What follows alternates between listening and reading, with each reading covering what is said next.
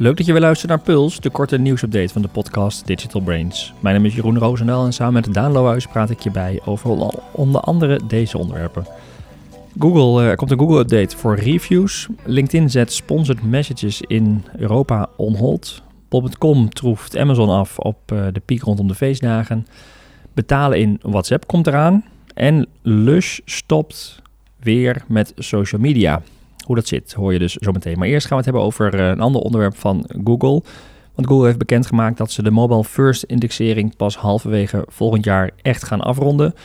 Ja, daar een onderwerp wat al uh, ja, best ook wel een tijd loopt. Hè? Ik Die, dacht, misschien heb je een item ongeluk van de show notes of zo. een paar jaar geleden. een systeempje in elkaar. Ik dacht eerst, hé, hey, hij heeft iets van een, een itempje van twee jaar geleden per ongeluk gekoppeld aan deze aflevering. Maar nee, helaas. Het, het is, is, nog steeds gaande. Het ja. is nog steeds gaande. Uh, Google heeft bekendgemaakt in een, in een video dat ze vermoeden, hè, dus nog niet eens heel definitief, maar dat ze vermoeden dat Google pas in de eerste helft van volgend jaar, dus zeg maar rond juli 2022 klaar zal zijn met de mobile first uh, indexering, met het totale proces.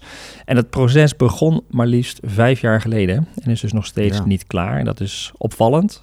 Um, in maart 2020 zei Google zelfs nog dat ongeveer 70% van de sites verplaatst is. Maar dat cijfer is dus heel lang meer bijgewerkt. En vooral dat laatste websites die verplaatst worden, hè, die echt die indexering. Ja, dat blijkt ook maar weer dat het best wel complex in elkaar zit. Het is meer dan een stukje code dat het algoritme be bepaalt. Ja, bizar eigenlijk. Want uh, dat je denkt, uh, ook uh, hoeveel, kijk van totale online gebruik nu op mobiel gebeurt, denk ik, van Google zoekopdrachten en zo. Dat is echt ontzettend veel. En dat sites, want dat is het even, ook met mobile first indexing, dat um, je positie eigenlijk in SEO en de relevantie wordt bepaald aan de hand van de mobiele site en niet de ja. desktop site, zeg maar. Ja. Dus het kwam ter sprake dat iemand zei in de video met Google van hey, mijn site is klaar voor de mobile first indexing, maar nog steeds niet overgeschakeld. In Webmaster Tools. In Webmaster Tools alles klaar. Zien van wat is je indexatiestatus, maar het gebeurt maar niet. Nee, alles staat klaar. En toen zei, zei inderdaad uh, de woordvoerder in dit geval, John Muller, uh, die zei inderdaad van ja, uh, dat kan wel zo zijn, maar uh, we zijn nog steeds bezig en we hebben nog steeds niet alles overgezet. We moeten daadwerkelijk uh, sites verhuizen ja. op de een of andere manier. Ik hoop niet dat ze het handmatig doen. Nee, het geeft in ieder geval aan dat je als SEO-marketeer ook heel veel kunt doen, maar toch ook wel dit soort dingen echt afhankelijk bent van Ja. Google. Maar dat een update zo lang duurt en zo lang uitrolt, dat is echt Ja. uniek. eh, Ja. ja. En we weten nog niet zeker of het volgend jaar eh, daadwerkelijk afgerond is.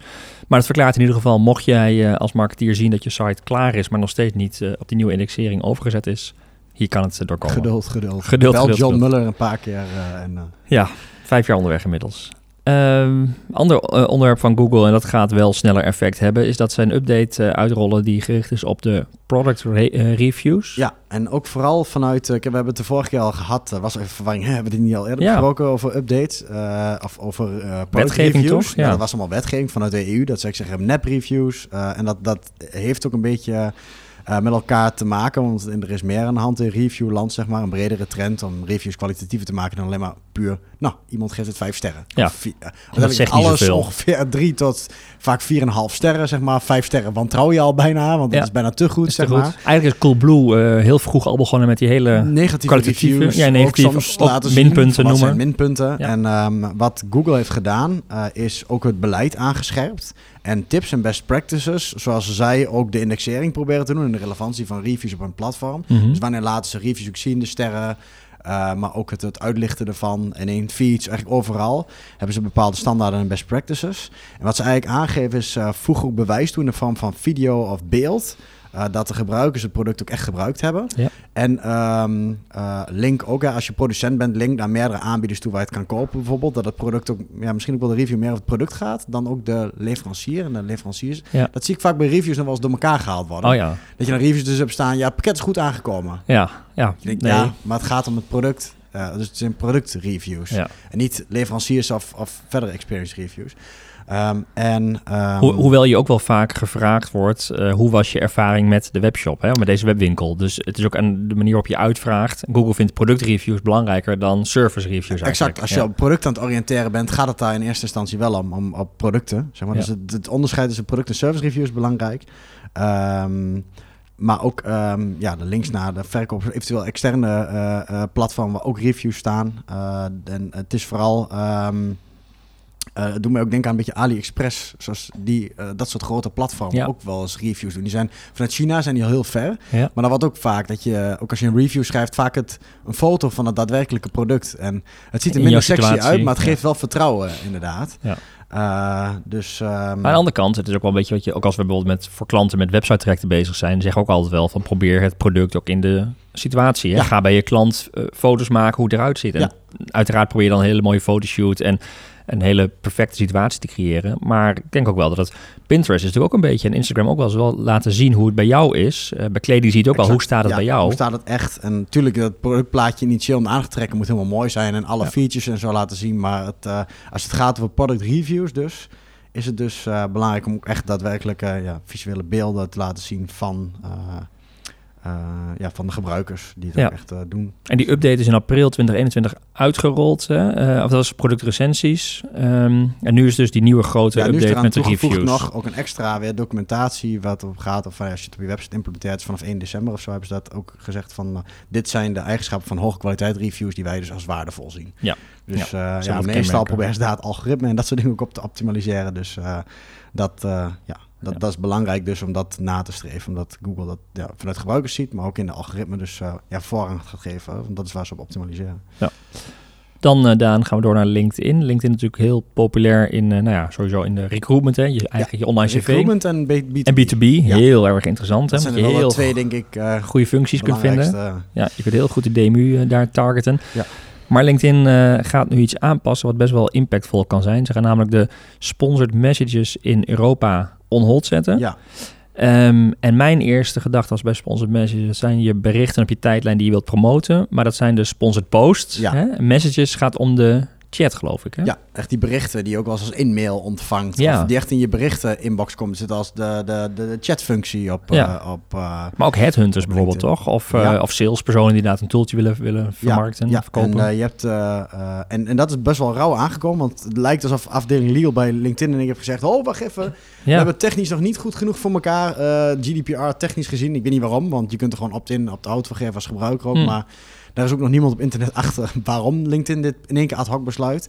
Maar kennelijk hebben ze iets ontdekt of heeft de afdeling legal gezegd... oh, wacht even, hoe we het nu doen, of de nieuwe features die eraan komen. Want zo begon het.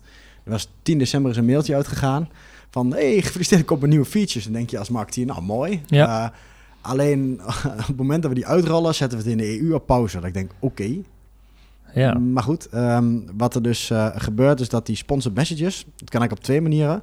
Hebt message ads, message ads en conversation ads. Mm -hmm. En um, message ads zijn dus inderdaad dat je gewoon uh, zo'n LinkedIn message verstuurt. Dan hoef je niet connected met iemand te zijn. Dat kun je dus op schaal doen. Ja. En zo gebeurt ook in veel B2B campagnes. Um, dat uh, je dus een hele specifiek op functie en uh, rol en senioriteit en locatie kan targeten. Heel precies. Kun je ook Ja. iets uh, met bepaalde abonnementen denken in de tientallen of maximaal honderden in-messages versturen met jouw account. Dus het kan niet in één keer naar 10.000 tegelijkertijd.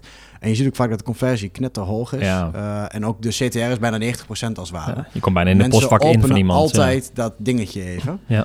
Uh, en, um, en je hebt een conversation ads, dat is meer een chatbotje, zeg maar. Uh, wat dan, waar je ook een gebruiker direct opties kan geven. Ja. LinkedIn gebruikt die zelf ook wel eens in hun eigen campagnes. Die krijg ik wel eens te zien dat je kunt zeggen, ja, ik ben dit, ik ben dat, ik ben dat. En dat je dan een vervolgstap krijgt. Uh, maar die LinkedIn uh, message, of die um, convers, uh, sorry, de message Messages, die ja. daar kun je dus ook op replyen. En dan krijg jij als afzender dus ook direct een gesprek met diegene. Ja. Dus het is Echt één op net één. als op e-mail, maar dan heel specifiek getarget op de LinkedIn database. En dat stoppen ze dus.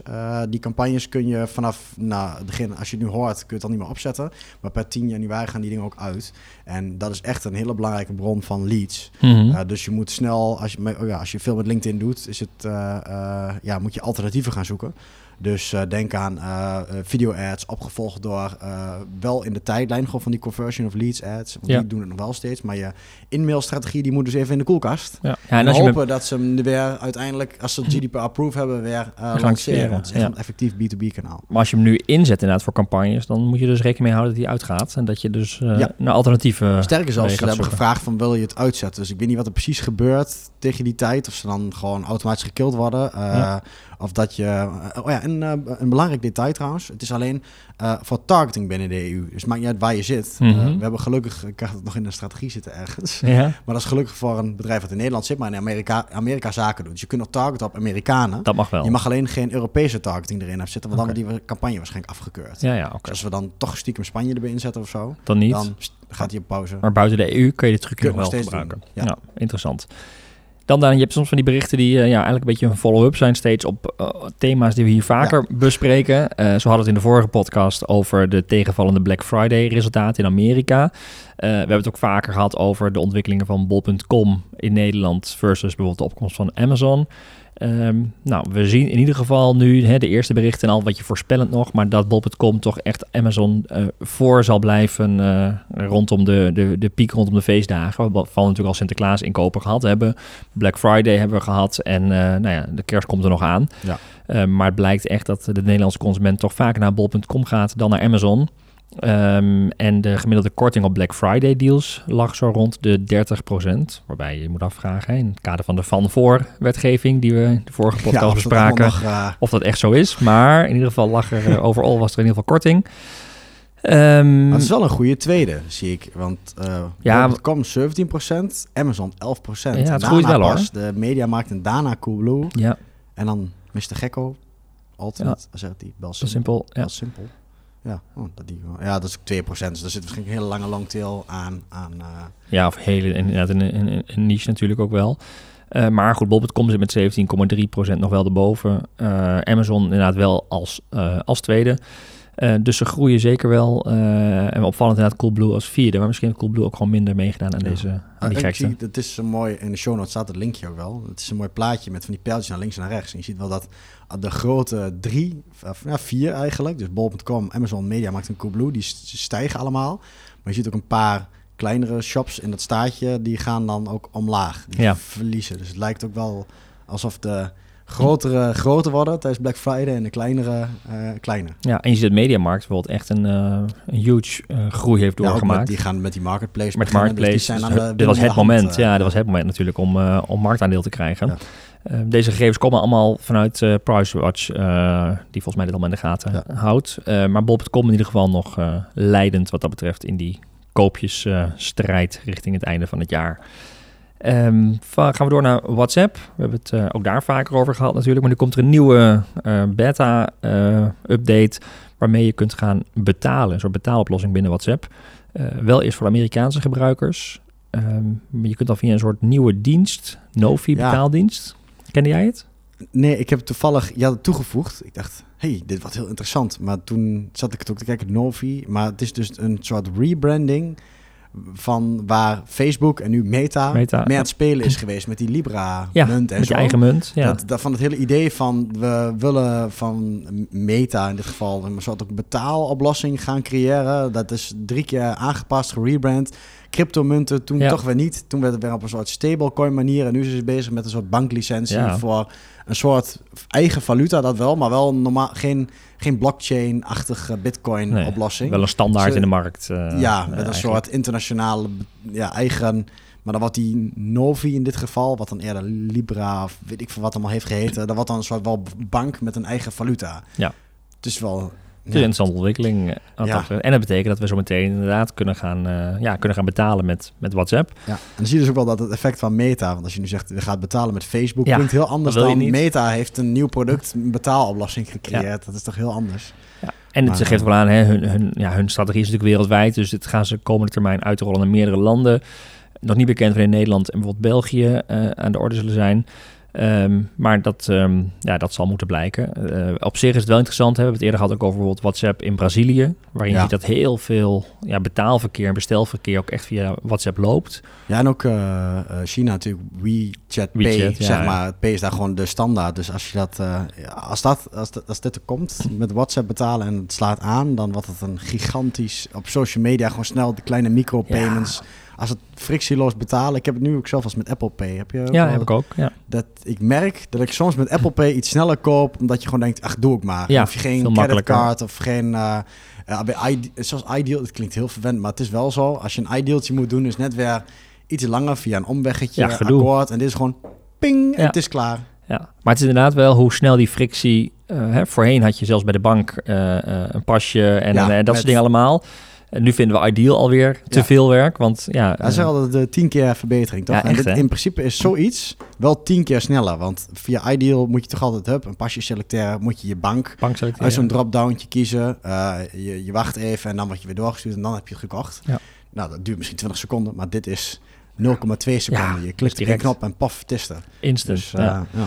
Maar eh, ook wel wat jij zei, er hangt natuurlijk wel weer eh, uiteindelijk hè, Facebook, Meta hangt erachter. Ehm eh dat wordt dan misschien ook je bank, waar je betaalgegevens Ja, maar dat veel weten mensen betaalverkeer. denk ik dus niet. Het is een Novi, het is een soort brand wat dan Meta Ja. lanceert, wat eronder hangt. Dus Meta, powered by Meta misschien, maar Ja, dat heet, is dan gewoon een concept wat mee kan surfen op WhatsApp. ja, Dus, nee, dat- het geeft inderdaad aan die strategie van Meta, dat maakt dit soort dingen lanceren makkelijker. Ja, Tikkie. Ja, Zeg en- maar dat is wat je eigenlijk doet. Is wat Ja, binnen. maar Tikkie is ook van. ABN bijvoorbeeld, hè, dus de- Ja. daar zie je ook wel een beetje dat het... Ja, eh, volgens mij doet, ja, dus hier is dat Tikkie, maar dan ook als betaalmethode voor social. En dat kunnen ze koppelen aan alle bedrijven die al bij Meta of Facebook zitten, zeg maar. Ja, en wereldwijd. Dus eh, gigantisch uiteindelijk als het uit- helemaal uitgerold gaat Ja, worden. weet je, het komt er sowieso. De vraag is alleen wie en hoe. Ja, ja. ja, dat denk ik ook inderdaad. Ja. Nu is het Facebook, het kan of Meta, het kan natuurlijk ook eh, iemand anders gaan worden, maar het gaat er hoe dan ook komen.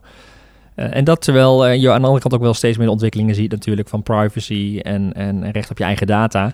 En nu eh, een groot merk, Lush, die... die Ja, even, wat, wat is Lush? ja, dat is een goede. Lush, jij kent het niet. Nou ja, je ziet het in veel, ja, veel grotere steden vooral. Het is een merk dat eigenlijk helemaal gericht is op ehm, ja, zeepjes. Zeepjes, zeepballen voor in bad. eh, Oh ja. Dat soort lekkere Een beetje schuimpjes. à la rituals, maar dan iets organisch. eh. Ja, want het is het wel. Het is echt puur organisch allemaal. Het is echt puur natuur. Je hebt dan eigenlijk ook grote hompen zeep vaak in zo'n winkel liggen. En daar kun je gewoon aan- aangeven hoe groot stuk je wilt. Dat is soort kaas. ja, het is een soort kaas. Wat ze ja? doen. Ja, echt hoor. Dan kun je stukjes afsnijden, pakken ze helemaal in papier.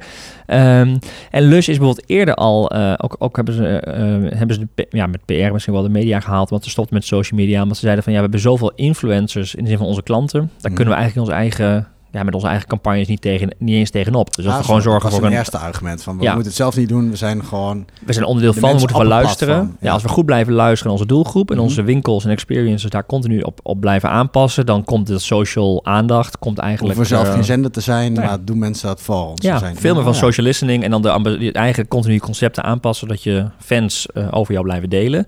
Grappig, zo heb ik er nooit naar gekeken, maar dat kan natuurlijk elk bedrijf gewoon ook zeggen of doen. Zeg maar. Waarom heb je per se een...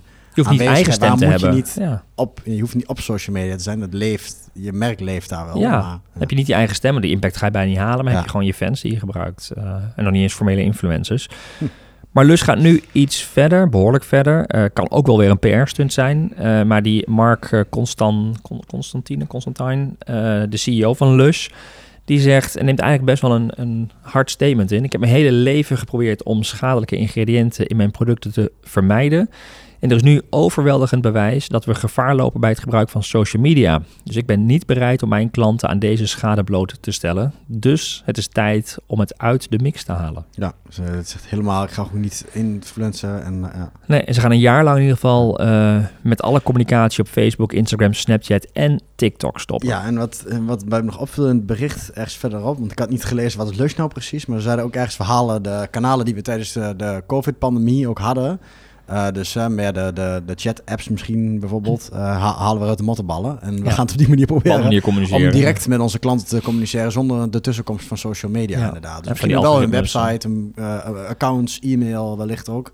Maar niet inderdaad, eh, ja. ja. Ik ben benieuwd. Echt meer even met potlood eh, in onze uh, planning zetten over een kwartaal. Hoe gaat het met Lush? Ja, nee, dat is inderdaad denk ik ook wel een hele mooie test. Van gaan ze hier direct effect van, eh, van ondervinden? Of heb je inderdaad zoveel fans dat je rustig kunt zeggen... ja, wij zijn er niet, want het gaat vanzelf. Ja, of dat het juist, ja, je bent wel de, de, de, de paarse koe, zeg maar, in marketing. Ja. Je bent die ene gek die dat buiten doet, dus daarom gunnen mensen je jou en gaan ze het expres opzoeken als je Ja. merk sterk genoeg is. Maar Ja. 4 miljoen volgers die ze dus even niet meer spreken. 1,2 miljoen ehm, fans op Facebook. Ja. Eh, ze geven zelf aan dat de potentiële schade maar liefst 10 miljoen eh, pond kan zijn in de verkoop. Ehm, en dat moeten ze dus gaan, eh, gaan terugverdienen op andere manieren. Bizar. Het lijkt wel een beetje ook zo'n, echt zo'n, zo'n merk als Patagonia. Die doet ook van die Ja. gekke dingen. Ja. Die zijn toen ook op een gegeven moment helemaal gestopt met verkoop van iets of zo in een bepaald kanaal. Maar dat heeft ze wel zoveel data, zoveel fans opgeleverd. Dat, dat je dat weer een merkwaarde op over tien jaar weer terugverdient. Ja, ik denk altijd, is Wij het dan... het er nu ook over. Wat is Natuurlijk. En ik denk altijd, is het nou echt een persoonlijk statement? Of is hier toch misschien wel heel goed onderzoek naar gedaan naar een andere doelgroep? Waarvan de doelgroep zegt, en misschien is de doelgroep gewoon minder fan inmiddels van social media. En, en ja, dat, Ja. Ja, van is het een, überhaupt een mooi statement en is het ook een soort... eh, ah, daar hadden ze toen een heel mooi term voor, van die eh, strategie. van- Iets wat je toch gaat doen, maar Ja. dat je dan onder de vlag van een beetje opportunistisch ook kan zeggen... het past bij ons merk, dus daarom doen we het. Maar vooral een businessreden of een strategische redenen. ja. Of dat je inderdaad echt zegt, nee, ons merk staat daarvoor en die schade, weet je wel, wat is belangrijker in het leven dan geld, is een goed, ja, is een goed imago. Het goed goed zijn imago, voor de mensen. Goed de, zijn, ja, nee, dus dat is leading en dat andere is mooi erbij. Ja, de overtuiging van de wereld beter maken. Hè? Dus je producten zijn goed. Je, je, je, je gooit geen. eh, je spoelt niks door, door, door de, het riool in van slechte producten. Producten zijn goed en nu willen ze een positieve impact op de wereld hebben in plaats van een negatieve. Ja.